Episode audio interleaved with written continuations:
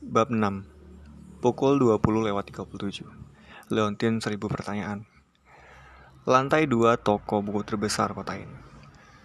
Sudah setengah jam lebih aku terpekur berdiam diri di sini. Mengenang semua kejadian itu Mengenangnya. Aku tersenyum. Tangan kiriku meraba leher. Leontin itu selalu kenakan sejak hari itu. Jemariku menyentuh inisial tersebut. T. Bisa jadi tersayang, tercinta, terapalah. An berkali-kali menyelaku saat berusaha mengartikan pemberian itu. T memang berarti banyak kan, bukan sekedar tanian, tapi kalau secara sederhana menggunakan bahasa Indonesia, bukankah itu hanya seperti teman? An menyeringai, kesulitan nyebutin kata teman barusan. Aku melemparnya dengan guling. Ah, mungkin An benar, aku lah yang berlebihan menanggapi hadiah itu. Sepertinya fotokopian yang sedang ditunggu mahasiswa yang duduk di kursi putar tinggi seberang jalan sudah selesai. Mahasiswa itu berdiri merogoh saku, membayar, menerima sebungkus plastik besar, kemudian beranjak berdiri. Tiba di depan gerai fotokopian, berdiri termangu. Hujan lebat, bagaimana pula mahasiswa itu hendak ke mana? Tak kehabisan akal, mahasiswa itu berteriak memanggil ojek payung yang banyak berkeliaran lantas dengan payung besar tersebut dia buru-buru melangkah menerobos derai air yang semakin deras. Aku mengelola napas. Sekarang pemandangan di depan di gerai fotokopian itu hanya misalkan tiga pasangan super mesra dengan karyawan yang sibuk ngobrol. Maaf ya dek, kalau ingin cari buku lewat komputer, komputernya di mana? Seorang ibu menegurku, tersenyum sedikit canggung, banyak ke kebingungan. Aku menoleh malas menyimak wajah ibu itu pelan mengangkat tangan menunjuk ke arah komputer itu berada. Membalas senyumnya kesadanya. Dia kan bisa bertanya ke karyawan toko buku ini kenapa pula berhenti bertanya padaku. Aku malah napas sebal dalam hati. Ibu ini mengganggu nyamananku mengenang semua kejadian.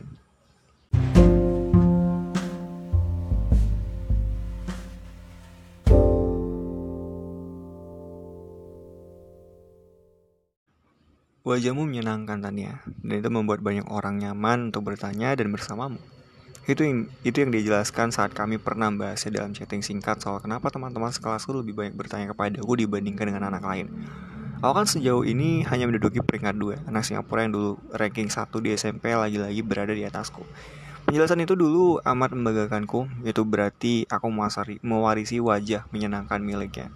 Orang-orang di sekitarnya juga selalu lebih banyak bertanya padanya. Bahkan dulu pernah saat makan di salah satu warung tenda di sepanjang jalan kota kami, pemilik warung tidak mau dibayar. Ibu pemilik warung itu tersenyum dan berkata, Aku sudah amat senang mas Danar mau makan di sini. Namun sekarang pikiranku tidak tertuju ke soal itu. Ibu yang menegurku tadi lebih mengingatkanku pada betapa penasarannya aku soal pacar baru dia. Aku berpikir panjang kalimat ide soal telepon di kantin NUS waktu itu. Aku harus mencari tahu tentang itu entah dengan cara apa pun. Esoknya aku langsung terkoneksi dengan Dede, Tania. Kamu kalau ganti profil bilang-bilang dong, bikin bingung. Bebek packing. Orang gantinya baru tadi pagi kok. Lagian di daftar teman katanya nggak hilang kan, hanya ganti nama doang. Tania, kenapa diganti bebek packing? Bebek packing. Iseng aja, emang nggak boleh daripada Dede ganti buntut bebek? Aku tertawa, kemudian berpikir beberapa saat mikiran pola pertanyaan yang tidak akan menimbulkan kecurigaan di kepala Dede. Pertanyaan soal pacar baru dia pasti amat sensitif. Tania, eh pacarnya Kak Danar yang baru siapa ya? Ternyata yang keluar pertanyaan standar-standar saja. Baby packing. Ye, ngapain pula nanya-nanya pacar Om Danar? Bener kan? Jadi langsung defensif. Tania, iseng pengen tahu aja. Aku mengutuk adikku dari seberang lautan. Jawab saja lah backpacking. Aku nggak aku nggak tahu namanya. Yang pasti lebih cantik daripada Karatna Tania. Pernah datang ke rumah? Aku menelan ludah gemetar mengetikkan pertanyaan itu. Cemas menunggu jawaban. Backpacking bukan pernah lagi setiap hari setiap detik. Aku saja bete melihatnya. Tania setiap hari backpacking. Maksudnya begini kakakku yang penasaran itu cewek ngejar-ngejar Om Danar. Banyak nanyanya dede lagi jadi sampai sebal menjawab pertanyaannya. Seperti kakak Tania sekarang, kenapa sih nanya-nanya? Jangan-jangan katanya sama dengan cewek itu ya? Tania, orang cuma nanya kok. Sama seperti kamu ganti nama profil, iseng. Emang gak boleh? Aku melan ludah, buru-buru mengendalikan pembicaraan. Harusnya aku jauh lebih pandai memancing Dedek menjelaskan. Tidak segamblang ini. Beruntung Dedek tidak mengejekku lebih lanjut. Pembicaraan itu seperti biasa nyasar ke mana-mana dan aku kehilangan selera untuk kembali ke topik semula.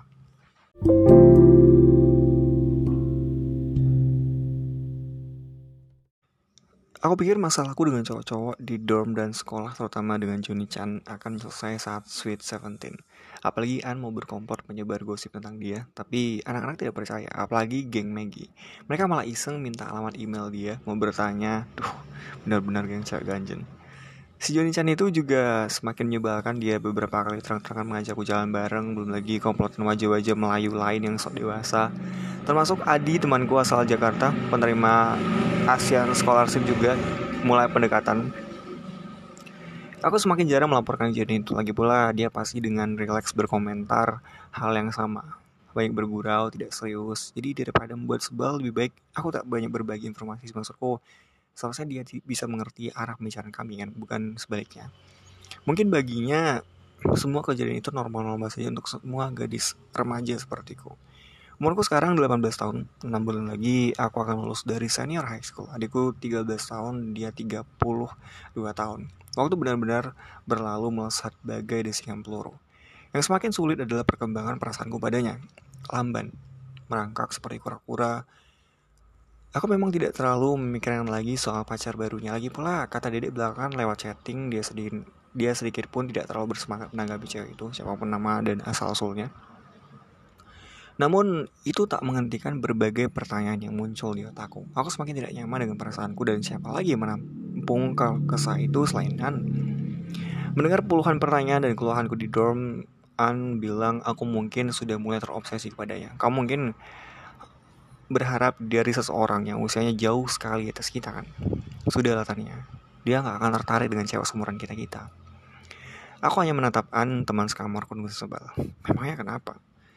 Maksudku, kamu jadi terlihat aneh dibandingkan teman-teman yang lain. Tania yang gak pernah pergi dengan cowok, Tania yang dingin dan tak berperkemanusiaan terhadap cowok-cowok di dorm atau sekolah.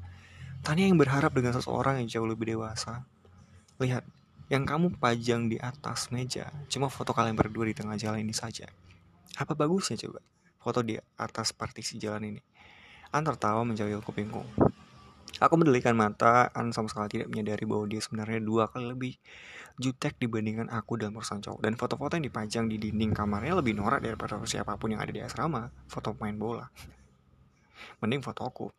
Foto dalam diafragma lamban itu foto dengan cahaya membeku di sekitarnya dan aku bersama dia tersenyum.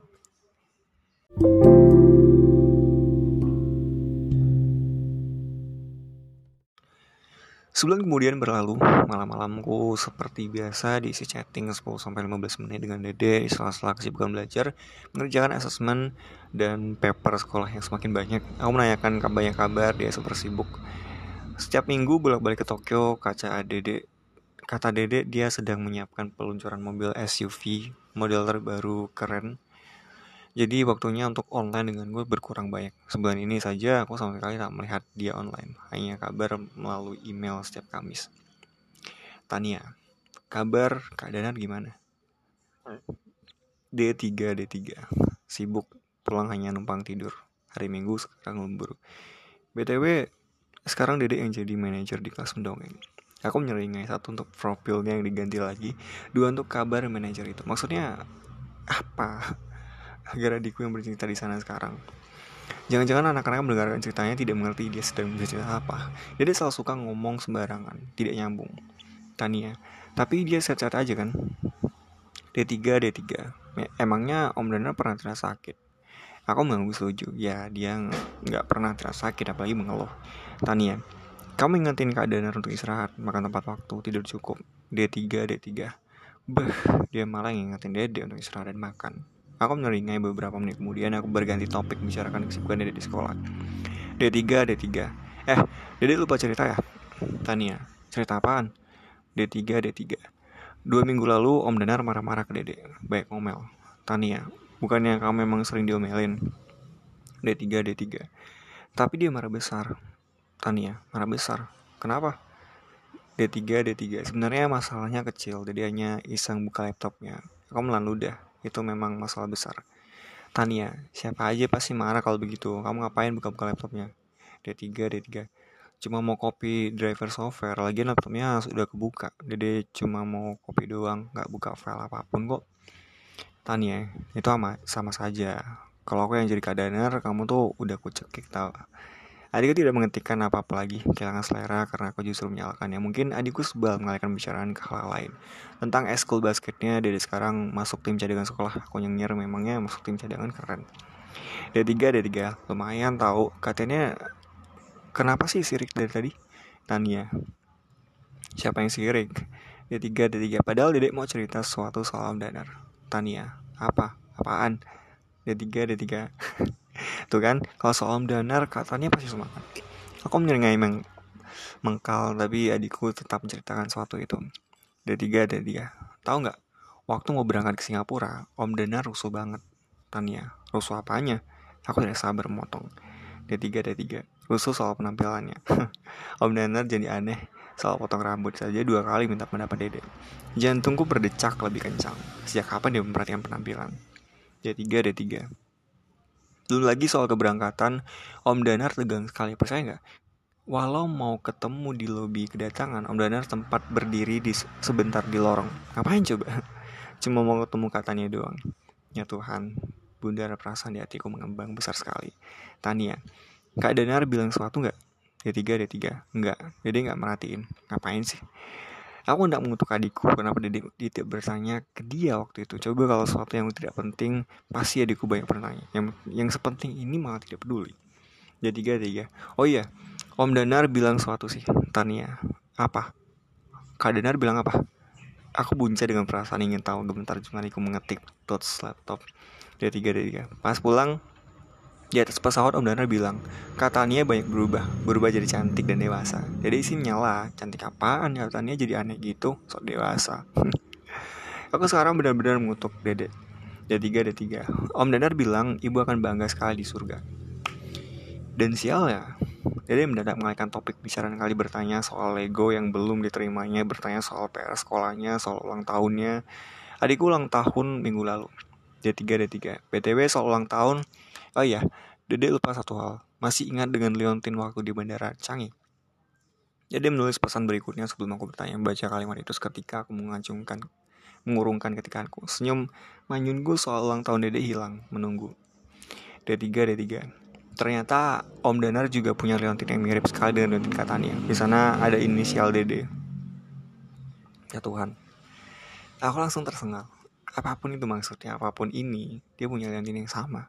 Berarti Leontin ini memang sepasang seperti yang kukatakan pada antanganku gemetar hendak menghentikan sesuatu kamu yakin?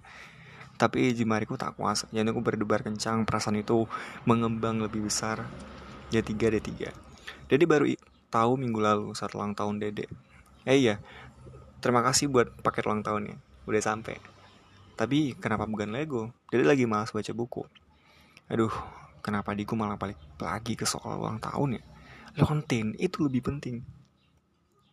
D3, D3. Om Dadan memperlihatkan Leontin itu waktu makan-makan ulang tahun dedek di warung tenda. Awas ya, katanya jangan menawarkan lagi. Meskipun warung tenda, warung tendanya elit kok. Otakku sedang dipenuhi beribu larik harapan. Mana pula sekarang mau menertawakan adikku lagi. Ya Tuhan, Leontin itu memang dan akan selalu istimewa. D3, D3. Om Danar memperlihatkannya selama sekali, tersenyum lebar. Aku langsung tersedak menunggu kelanjutan ketikan huruf di laptop laptop. D3, D3. Dan Om Danar memberikan satu liontin lainnya buat Dede. Ada inisial D. Satu liontin lagi buat ibu.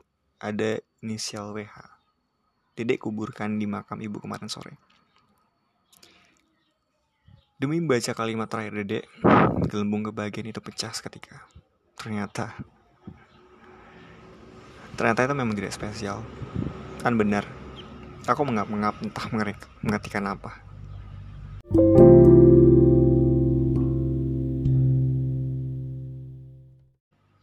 Seminggu kemudian kabar soal Leontin yang ternyata tidak istimewa itu menguap. Meskipun sebenarnya dengan suap pahit Aku membujuk hatiku berdamai dengan harapan.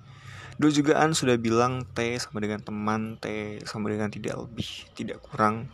Setidaknya cecap berkesan bukan? Dia hanya membelinya untuk empat orang, buat dia, ibu, aku, dan dede. Aku jadi salah satu pemilik nonton tersebut. Memangnya karena pernah dikasih nama cewek artis itu muncul lagi di benakku. Kenapa pula aku teringat pada karena dan aku sama sekali tidak menyangka dua minggu kemudian aku ternyata bertemu lagi dengan si pemilik nama itu di tempat dan waktu yang benar-benar keliru. Karena kembali mengambil alih seluruh posisiku dengan sempurna. Beberapa bulan sebelum lulus, kami harus mengerjakan laporan akhir aktivitas sosial senior high school. Dan sebagai penerima beasiswa, kami harus diharuskan menulis laporan tentang permasalahan negara masing-masing. Aku diberikan tiket pulang pergi ke Jakarta dan libur selama dua minggu untuk mendalami riset tersebut di lapangan. Aku sengaja tidak memberi tahu dia dan Dede agar jadi kejutan. Maka hari itu dengan hati berbunga-bunga, aku berlari-lari kecil melewati pelataran lobi kedatangan bandara, mencari taksi yang segera membawa ke kota kami minggu sore. Aku tahu mereka pasti sedang bersantai di rumah. Itu agenda acara dia dan Dede setelah kelas mendongeng. Aku tersenyum sendiri di dalam taksi ketika mobil melaju kencang membelah jalan tol. Aku merasa taksi itu justru berjalan dengan seperti siput saat mulai masuk jalanan yang padat kendaraan aku merasa si mobil itu seperti siput yang kakinya dipotong ke empat ya. Mana aku tahu siput tidak punya kaki. Belanda masih Belanda masih jauh neng. Sopir taksi yang sepertinya tahu tidak sabaranku menggoda. Aku tidak peduli. Terus mengeruk ketuk kursi di depan tak sabaran saat mobil menuruni jalan kecil menuju rumah. Buruan sedikit lah. Kalau aku dalam mati Aku tak sabar menurunkan koper, halaman depan sepi, anak-anak kelas mendongeng pasti sudah pulang siang tadi. Ada dua grup gedebak gedebuk di halaman samping. Aku mengintip adik-adikku dedek yang sedang berlatih masukkan bola kering basket tiga kali lemparan, tiga kali tidak masuk-masuk. Aku menyengir, benar-benar tidak berbakat. Tak ada dia di sana. Jadi aku memutuskan menyapa adikku nanti-nanti saja. Dia pasti sedang baca di halaman belakang sambil memandang rumpun bunga bougainville favoritnya. Aku yang menanamnya saat pulang liburan SMP dulu. Menurut email terakhir sekarang sedang mekar berbunga. Pertemuan yang akan mengasihkan sekali bukan berlatar warna merah bunga-bunga itu. Aku menarik napas senang. Dan ya Tuhan, saat aku tiba di halaman belakang, bersiap memberikan kejutan padanya, aku lain justru terkejut bukan kepalang. Dia. Dia sedang bercengkrama duduk bersisian dengan Karana, orang yang sama sekali tidak ada dalam daftar makhluk di atas bumi yang sekarang ingin kutemui. Koper kecilku yang tak sengaja ku tentang ku tenteng-tenteng hingga ke belakang terlepas dari tanganku berbunyi keras menimpa lantai menimpa ujung jariku. Aku tak merasa sakit sedikit pun. Adikku sekarang jauh lebih kebas. Mereka menoleh ke arahku. Tania, hanya itu kata yang keluar dari mulutnya. Terkejut, tersenyum riang, berdiri, melangkah, mendekat, memelukku. Dan aku seketika amat benci dengan pelukannya. Wah, surprise, karena ikut-ikutan berdiri, ikut-ikutan memelukku. Aku jauh lebih benci. Padam sudah semua kerinduan dan rencana-rencana itu. Padam seketika seperti lilin, nyala lilin yang disiram segentong air besar. Aku kaku memasang muka pura-pura bergembira atas sambutan mereka. Hatiku tumpul untuk merintahkan bibirku menyimpul senyum. Mataku kebas menahan tangis. Dia sebaliknya biasa-biasa saja. Dia benar-benar senang dan terkejut dengan kehadiranku yang super mendadak. Bertanya banyak hal dan aku hanya menjawabnya lemah. Dia mendekat bahuku, tak sengaja tangannya menyentuh leonin itu dan aku tiba-tiba merasa ingin merenggut dan melemparkan leonin tersebut dalam helku. Eh, ada taksi depan yang nagih ongkos tuh, om. Emangnya siapa yang tadi ke sini nggak bayar taksi? Dia tiba-tiba nongol sambil membawa bola basketnya belum melihatku yang berdiri kaku di ruang dalam. Aku tersadarkan oleh sesuatu dan itu menyelamatkan betapa mataku sudah berair.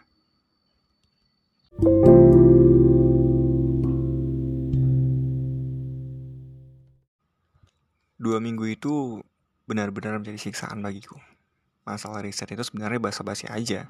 Naskah laporanku jauh-jauh hari sudah lebih dari sempurna. Eh, soal wawancara dengan narasumber dan itu sudah aku lakukan via email.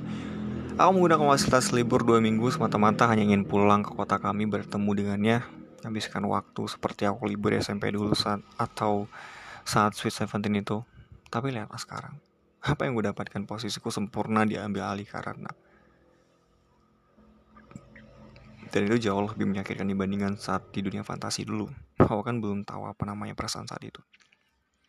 Kamu cantik sekali, karena memujiku, aku yang mengangguk demi sopan santun. Lihatlah, Tania lebih tinggi daripada aku loh Karena menoleh ke arah dia dia tersenyum mengiyakan Padahal dulu cuma segini Karena so akrab menunjukkan batas seperutnya Aku sirik sekali Dulu aku jelas-jelas lebih tinggi dari itu kita sudah lama gak ketemu ya. Hampir 6 tahun ya Tania sebenarnya kalau aku sedikit subjektif karena melakukan dialog itu tulus dan bersahabat. Tapi dengan hati dan pikiran kotorku semuanya terlihat buruk. Bahkan wajah karena terlihat seperti monster. Ya sudah enam tahun. Hatiku mendengus dan aku benar-benar berdoa agar tidak bertemu lagi dengan Karena selamanya Dede yang cuek dan terus melanjutkan aktivitasnya Gedebak-gedebuk melempar bola basket. Sejak dulu Dede memang malas berbincang dengan Karena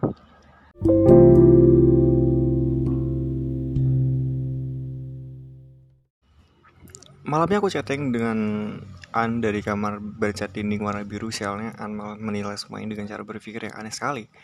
Aku bilang juga apa? Dia tertarik pada garis-garis umurannya. Kamu tuh gak lebih dari sekedar adik. Adik yang mencemburu dan banyak maunya Tania tapi kenapa dia harus kembali ke kehidupannya? Loh, emangnya gak boleh? Aduh Tania, kamu jadi gak rasional. Ke mana yang grade nilaimu yang serba 100 gitu?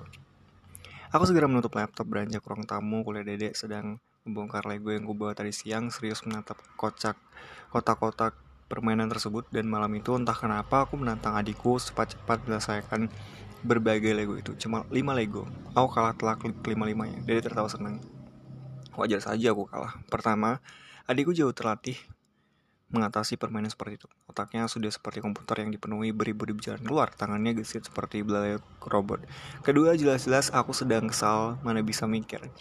Aku sama sekali tidak bisa berpikir lurus dan sekarang aku semakin kesal melihat tampang dede yang penuh cahaya kemenangan tertawa lebar menertawakanku. Tanya mirip si Cina itu dulu, hahaha, lalit, telat mikir. Kak Danar ke mana?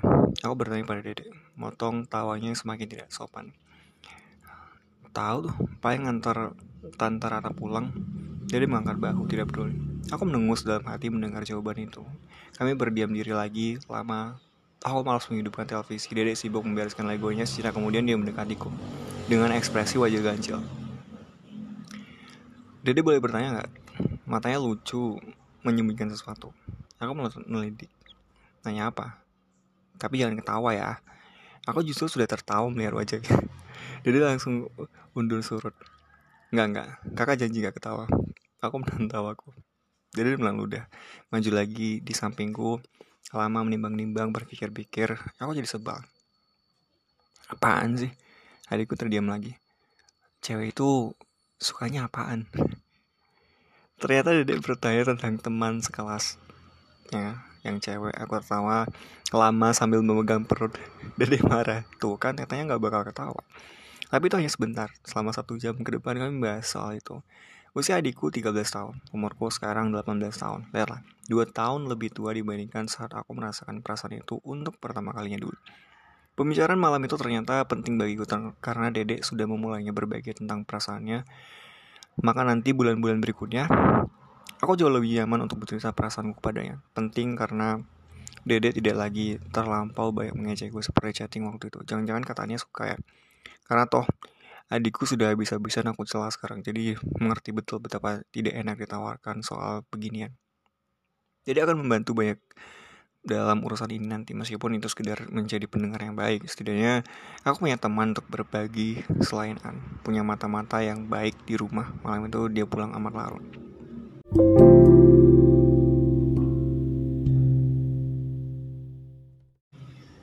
minggu itu benar-benar berjalan lambat, lambat. Karena ke mana-mana kami pergi, karena selalu ikut. Aku protes dalam hati saat karena ternyata juga ikut ke pemakaman ibu. Karena sama sekali tidak ada hubungannya dengan ibu kan. Siapanya coba? Kenapa aku ikut? Aku lupa bahwa dulu karena ikut menemani di rumah membawakan selimut dan baju ganti membimbingku saat pulang dari pemakaman ibu menemani ikut di rumah kontrakan dan lain sebagainya. Mataku sedang benci maka aku selalu berpikiran negatif sepanjang hari. Ke toko buku terbesar di kota kami juga karena ikut. Hanya saja yang membuatku senang karena tidak tahu tentang buku-buku yang ditulis dia dan tidak akan pernah tahu. Hanya aku dan adikku yang tahu rasa besar itu. Yang kedua penjaga toko buku menegurku bukan menegur Karata Aduh Neng, Tania makin gelisah aja Mas Danar Tuh kan Aku jauh lebih cantik dibandingkan dengan Ratna. Meski penjaga toko tadi sedikit pun tidak membandingkanku dengan siapa-siapa. Untuk pria seumuran dia, wajah dan fisik itu tidak penting tadi ya. An mengirimkan pesan malam berikutnya sebelum aku tidur dan aku menyengir tak peduli membaca kalimat An. An selalu so tahu. Kau mungkin lebih cantik, lebih pintar, lebih pintar daripada cewek artis itu sekarang tadi ya. Tapi lebih cantik dan lebih pintar saja tak cukup untuk menarik perhatian cowok sedewasa dia. Kamu tetap remaja tanggung baginya, remaja yang menyebalkan. Aku menyumpai An tiga kali. Malam itu kami juga melihat pemandangan dari lantai dua toko buku. Dia mendekap bahuku, bukan mendekap Karana. Karena berkeliling, malas berdiri di situ. Kamu benar kan ya? Pemandangan di sini jauh lebih indah dibandingkan di Singapura. Dia berbisik. Dan aku menyeringai senang. Setidaknya jendela kaca ini masih milik kami. Tidak ada yang bisa mengambil alihnya. Pemandangan ini spesial bagi aku dan dia.